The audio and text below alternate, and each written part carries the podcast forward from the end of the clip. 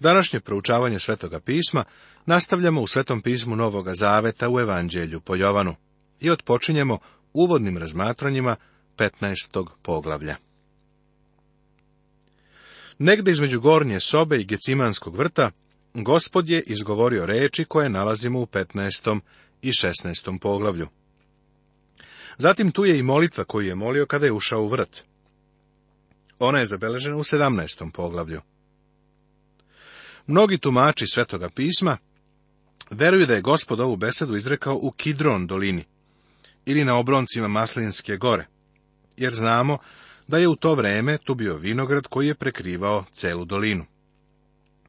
Također znamo da je bio pun mesec jer je bilo vreme pashe.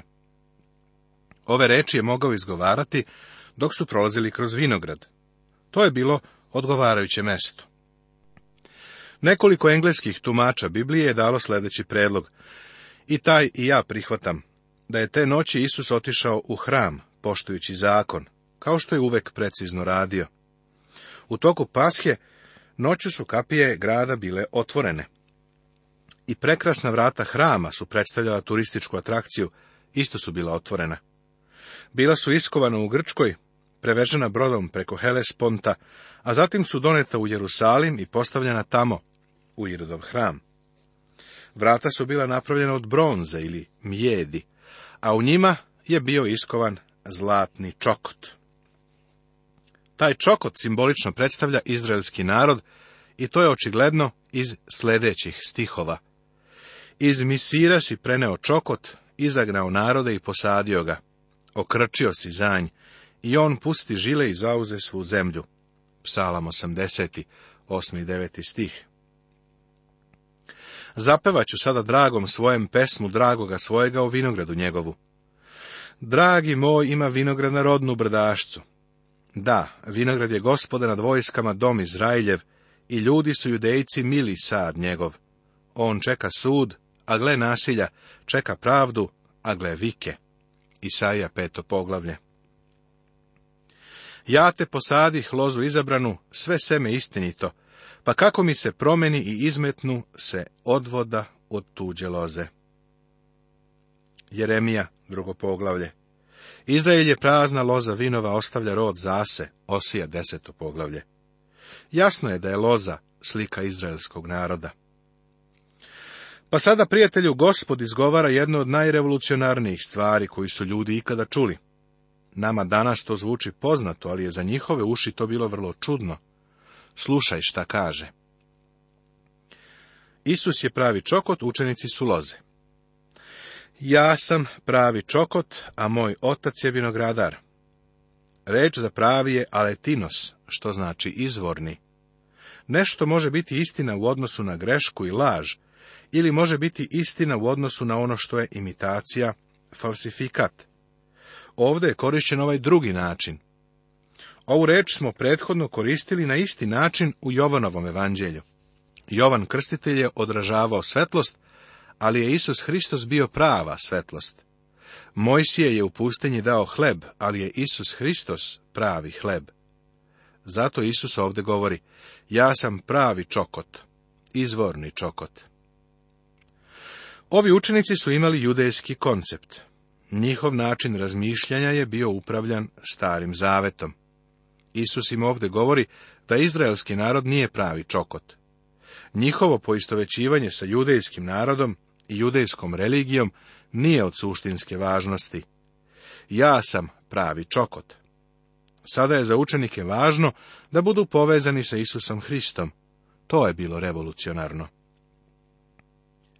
Naš gospod je upotrebio divnu govornu sliku i vrlo jasno je pokazao da nije od suštinske važnosti identifikacija čoveka sa religijom, obredom ili organizacijom. Treba da se poistovetimo sa Hristom. Kroz krštenje duhom svetim, mi smo u Hristu od trenutka kada uzverujemo Hrista kao spasitelja. Tada bivamo nanovo rođeni kao Božije dete. Moj otac je vinogradar. I ovo su iznenađujuće reči. U starozavetnom odeljku i u parabolama Bog je vlasnik vinograda. Ovde je on vinogradar, onaj ko se stara o vinogradu. Isus je pravi čokot, a otac brine za njega.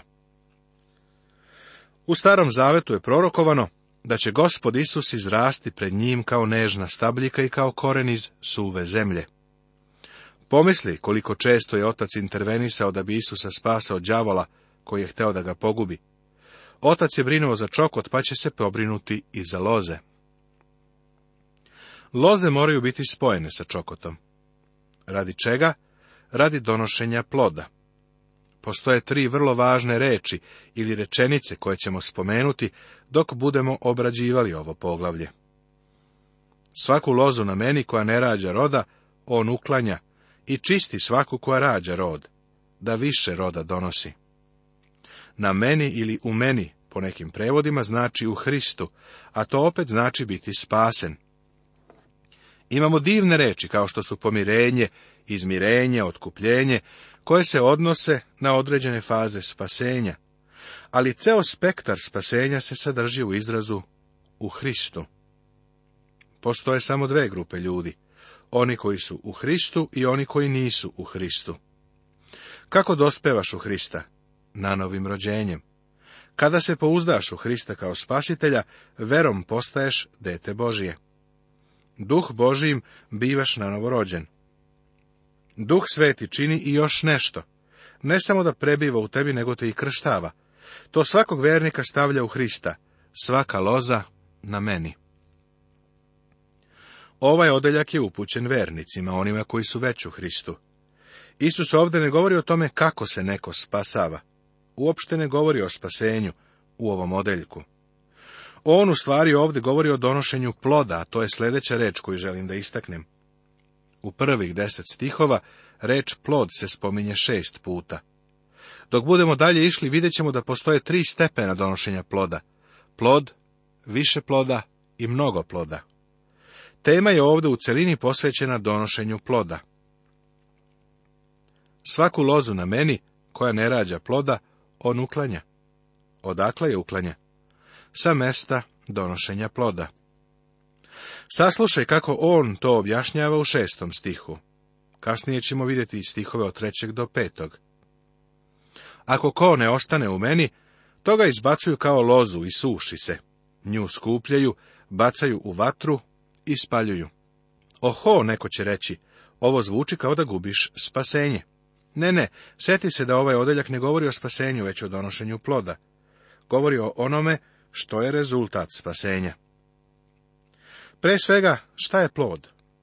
Ne verujem da se plod koji je spomenut ovde odnosi na zadobijenje duša, kao što mnogi misle. Mislim da je zadobijenje duša propratni proizvod, a ne plod sam po sebi.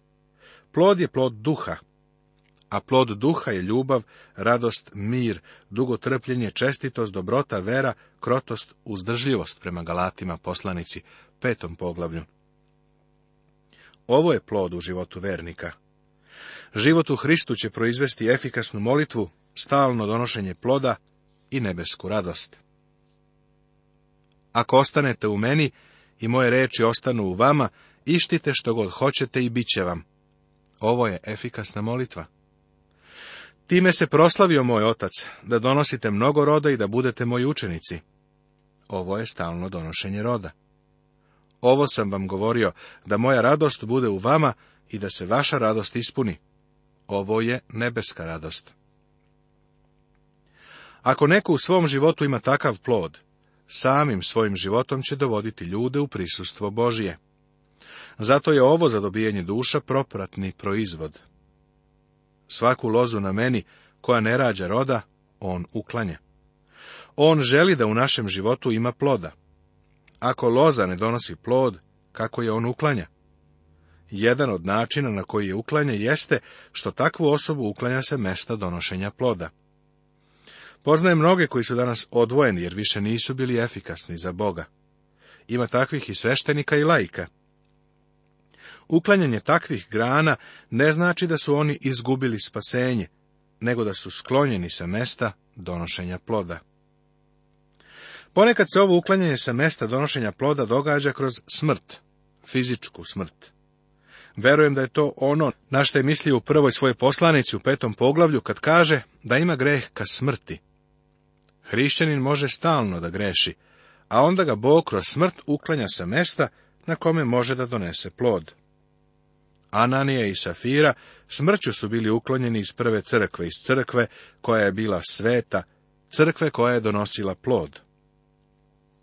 Oni su bili lažovi, pa nisu mogli ostati u toj crkvi. Plašim se da bi u nekim našim današnjim crkvama oni se osjećali vrlo prijatno, ali Bog im nije dozvolio da ostanu u prvoj crkvi.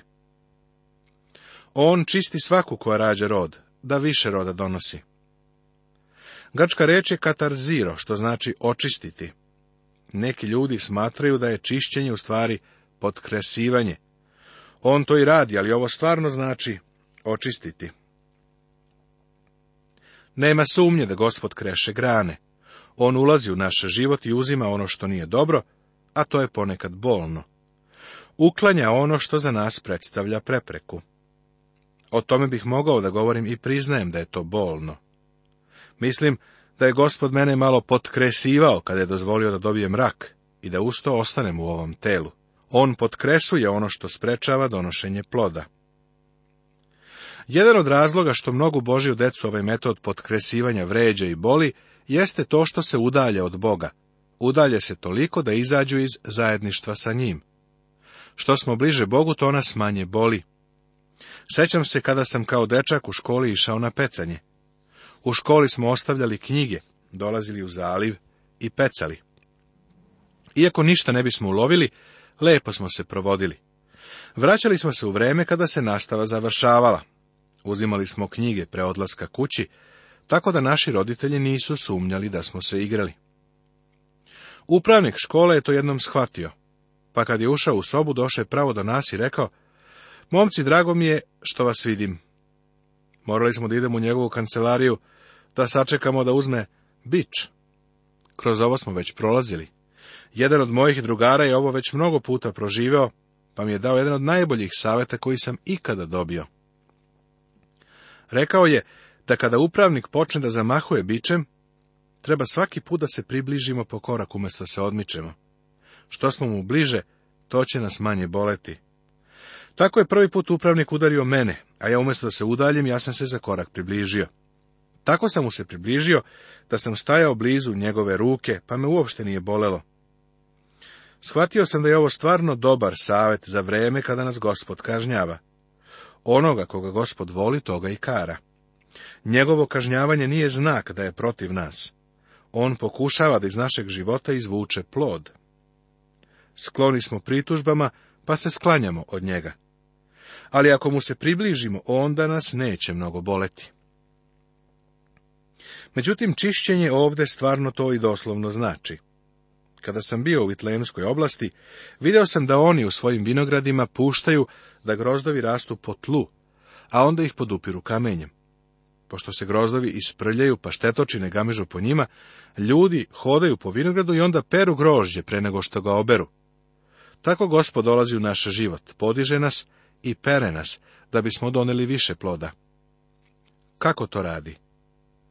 Vi ste već čisti zbog reči koju sam vam izgovorio već ste čisti zbog reči ili kroz reč. Čišćenje se sprovodi kroz Božju reč. Očišćavajuća sila Božje reči je nešto divno.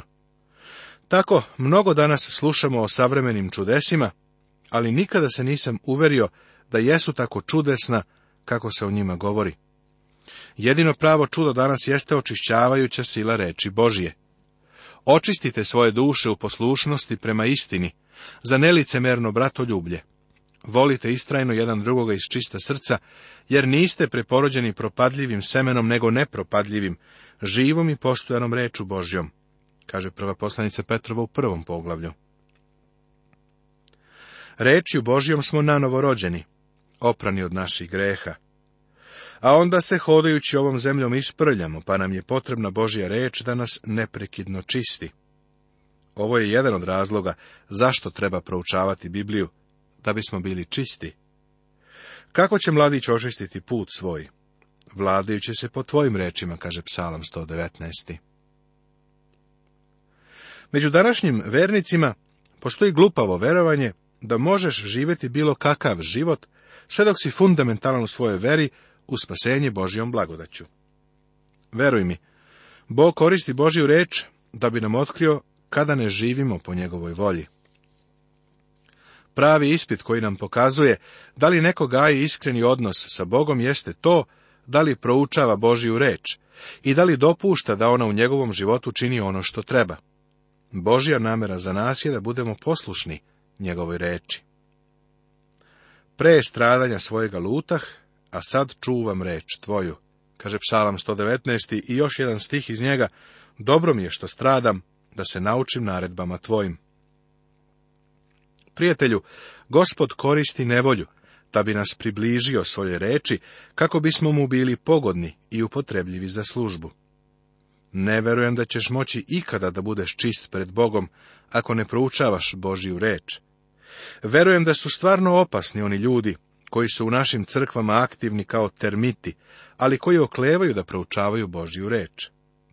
Smatram ih najopasnijim elementom protiv reči Božje i izvorom problema za Hrista u ovom svetu. Prijatelju, reč Božju moramo proučavati i primjenjivati u svom životu. Ostanite u meni i ja ću ostati u vama. Kao što loza ne može da donosi rod sama od sebe, ako ne ostane na čokotu, tako ne možete ni vi, ako ne ostanete u meni.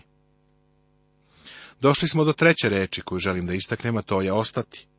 Ostati u Hristu podrazumeva stalnu zajednicu sa njim sve vreme. Upravo smo govorili o očišćavajućoj sili Božje reči. To je deo ostajanja u Hristu. Svakodnevno se moramo očišćavati. Postoji jedna priča o propovedniku Spurđenu koja kaže da se zaustavio nasred ulice, skinuo šešir i počeo da se moli. Jedan od njegovih đakona je to video, pa ga je upitao šta to radi. A gospodin Spurđen mu je rekao da se neki oblak ispreči između njega i gospoda, pa je on hteo da ga odmah ukloni. Zato je stao da bi ispovedio grešnu misao. Naše grehe moramo priznati gospodu i ostati u njemu. Treba da budemo u stalnoj zajednici sa njim. Ostati u Hristu znači i držati njegove zapovesti. Ako uščuvate moje naredbe, ostaćete u mojoj ljubavi, kao što sam ja sačuvao naredbe svoga oca, pa ostajem u njegovoj ljubavi. Vi ste moji prijatelji, ako činite što vam ja nalažem. U našoj pesmarici imamo pesmu Isus je moj prijatelj, kao i pesmu Nema prijatelja, kao što je skromni Isus. Prijatelju, želo bih da ovo pažljivo i nežno kažem. Danas nemamo skromnog Isusa, nego proslavljenog Hrista koji sedi Bogu s desne strane. Zvati Isusa svojim prijateljem je malo sentimentalno i pogrešno. Ako bih rekao da je predsjednik Amerike moj prijatelj, onda bi ga nekako spustio na svoj nivo. Ali ako on kaže da sam ja njegov prijatelj, to je divno. A poslušaj šta Isus kaže. Vi ste moji prijatelji, ako činite što vam ja nalažem. Danas nam nisu potrebne sve te sentimentalne besmislice. Predlažem da se iskreno ispita naše srce. Da li činimo ono što nam Isus nalaže? Poslušnost je od suštinske važnosti da bismo ostali u Hristu. Kao što je Otac ljubio mene i ja sam ljubio vas, ostanite u mojoj ljubavi. Ostati u Hristu znači imati stalno zajedništvo. To je zajednica čokota i loze. Ja ovdje u Kaliforniji posjedujem mali ranč. Na njemu raste avokado, pomoranđe i jedno drvo mandarine. Granama nikad nisam morao da kažem da treba da ostanu na drvetu, jer u protivnom nećemo imati plodove. Nikada noću nisam morao da idem u inspekciju, niti da neočekivano dođem da bih video kako grane trče unaokolo odvojene od drveta. One ostaju na drvetu i donose plod. Sigurno misliš da sam smešan sada. Međutim, Mnogi hrišćani misle da tokom sedmice mogu da žive kao đavo, a onda u nedelju dođu i služe gospodu. Slučajno to znam jer sam se baš ja godinama u tome trudio. Prijatelju, da bismo donosili plod moramo ostati u stalnoj zajednici sa gospodom. To znači da kada se probudiš ujutro, kada voziš kola ulicama, i tada održavaš stalnu zajednicu sa njim. Ja sam čokot, vi ste loze. Ko ostaje u meni i ja u njemu, taj donosi mnogo roda, jer bez mene ne možete ništa činiti. Pošto imamo slobodnu volju, naše zajedništvo sa gospodom možemo prekinuti tako što ćemo dozvoliti da greh uđe u naš život. Tako izlazimo iz Božije volje. Ovo činimo i svetovnim načinom života. Gospod želi da ostanemo u njemu da bismo doneli mnogo ploda. Možemo primetiti da ovdje postoji sličnost sa pričom o sejaču. Nastavit će se.